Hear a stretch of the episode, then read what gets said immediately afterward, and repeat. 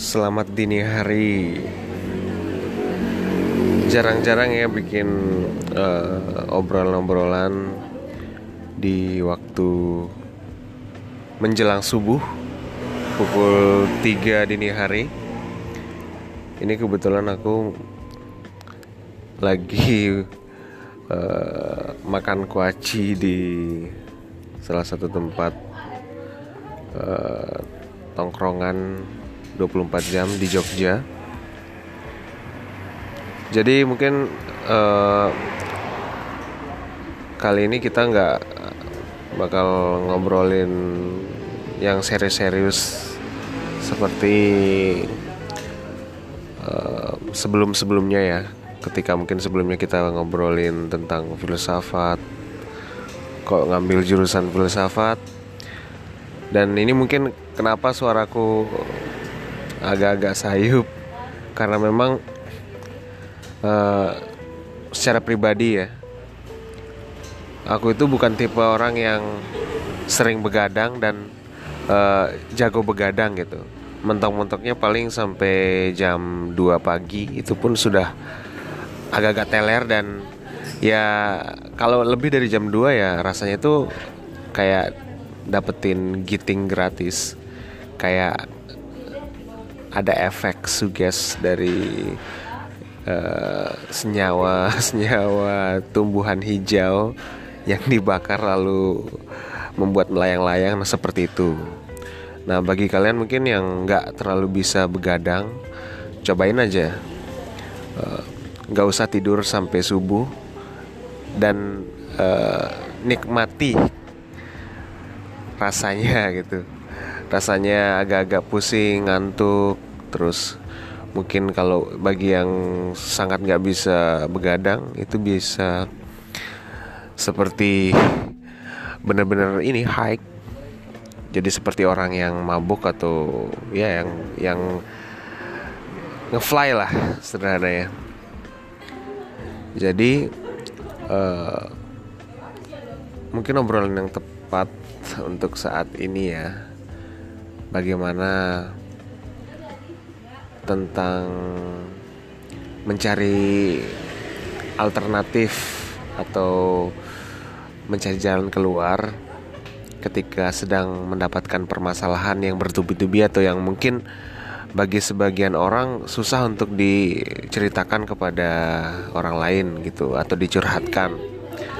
Contohnya, contoh sederhananya misalnya permasalahan-permasalahan uh, mungkin yang tidak terlalu klise ya seperti permasalahan cinta mungkin ya selain itu juga masih ada banyak permasalahan yang uh, menarik untuk dibahas. Seperti permasalahan pekerjaan, permasalahan kuliah, terutama yang sedang menempuh tugas akhir itu dituntut, dituntut untuk uh, sebisa mungkin multitasking di mana dapat mengatur uh, segmen percintaan, kemudian di sisi lain juga harus uh, mengatur atau menguras pikiran untuk uh, untuk hal-hal yang berbau tuntutan kuliah seperti skripsi ataupun tesis. Nah di situlah kita dituntut untuk dapat memilah-milah ruang hidup kita gitu. Jadi semisal eh, dianalogikan sebagai sebuah komputer, jadi manusia juga perlu dapat uh, mengaktifkan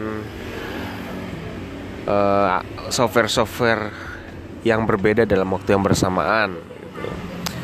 Nah berbicara misalnya tentang stres ya pasti setiap orang pernah mengalami uh, suatu tekanan yang benar-benar itu uh, mungkin pada taraf yang paling parah ya itu bisa membuat uh, depresi ataupun kalau nggak sampai depresi bisa menyita waktu gitu. Bisa merusak mood. Ketika misalnya pada waktu itu kita seharusnya happy, have fun misalnya. Kemudian ketika muncul uh, atau keinget tentang masalah itu, masalah yang menghantu-hantui, itu seakan suasananya langsung berubah 180 derajat. Nah di situ sebenarnya kalau mungkin dari teman-teman yang pernah konsultasi dengan para pakar uh, ilmu kejiwaan atau mungkin para psikolog pasti ada semacam treatment tersendiri untuk mengatasi hal tersebut. Tapi mungkin di luar konteks hal yang jelimet dan akademis itu ya, kita bisa aja dengan uh, memecahkan permasalahan itu berdasarkan uh, hasil olah pikir dan mungkin temuan sendiri sih ya. Jadi sebenarnya strateginya itu ya masing-masing orang punya strategi sendiri untuk bisa keluar dari permasalahan yang sedang ia hadapi. Nah, mungkin peran dari orang ketiga atau orang lain itu yang memberikan saran atau uh, sebagai tempat curhat itu memang penting sebagai uh, pem, sebagai wadah untuk memantik atau merangsang uh, merangsang merangsang diri ya untuk dapat mengatasi masalah itu. Jadi uh, kalau bisa dibilang sih, kalau menurut aku pribadi ya, nggak ada orang yang bisa secara 100% membantu seseorang untuk keluar dari permasalahan. Bahkan seorang psikolog pun itu ketika dia sedang menterapi pasiennya itu dia sama sekali tidak seperti seorang dokter yang memberikan obat. Beda dengan psikiater ya. Kalau psikiater kan e, psikiater itu dia membantu kita dengan menggunakan e, obat-obatan zat kimia. Itu e, yang lebih dikontrol itu bukan jiwanya sebenarnya lebih kepada aspek saraf motoriknya. Nah kalau di psikolog ya memang dia berusaha untuk membantu kita uh, melahirkan jalan, menemukan jalan keluar dari permasalahan itu melalui dialog dan uh, treatment-treatment yang lain gitu. Mungkin kalau kita berbicara flashback seribuan tahun yang lalu ya, di zaman Yunani pun ada sosok Socrates dengan maya teknanya dengan seni kebidanan di mana dia memposisikan diri sebagai seorang bidan yang membantu orang untuk melahirkan uh, membantu orang untuk melahirkan sebuah kebijaksanaan yang mungkin dalam konteks sekarang bisa kita maknai sebagai uh, jalan keluar suatu permasalahan pelik ya. Nah jadi ya sama aja ketika orang uh, si A curhat kepada si B, lalu si B itu mumpuni untuk membantu si A melahirkan solusi bagi permasalahannya ya sama seperti konteks Socrates dulu. Jadi emang tidak ada orang yang benar-benar bisa merubah orang lain atau memberikan orang lain untuk solusi 100% tanpa ada proses, proses yang dia uh, dialogis gitu.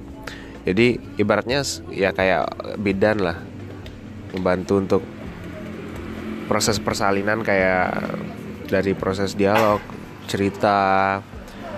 Nanti di sana kan ada proses saran gitu. Makanya kan kadang orang juga nggak selalu suka ketika dia curhat kepada orang lain. Kemudian orang lain itu benar-benar mengarahkan dia dan mendominasi pikirannya ataupun maksud yang ingin diutarakannya gitu. Kan nggak asik juga. Biasanya orang bakalan asik itu ketika orang yang uh, dijadikan tempat curhat itu bisa mendengarkan pertama uh, dia bagus di mendengarkannya. Dia bisa menampung unek-unek orang yang uh, sedang melakukan curhat. Kemudian di situ dia tidak langsung uh, menjustifikasi kayak uh, menjudge lah. Ini salah itu salah kamu harus gini harus gini. Nah orang bakalan lebih senang ketika keluh kesahnya didengarkan dulu kemudian uh, dikasih feedback berupa saran yang lebih bersifat memoderasi dan tidak cenderung mendominasi gitu. Nah, mungkin uh, singkatnya ya bagi kalian atau bagi saya, bagi kita semua yang memiliki permasalahan, jangan dipendam. Usahakan untuk uh, seminimal mungkin lah dicurhatkan ke teman terdekat.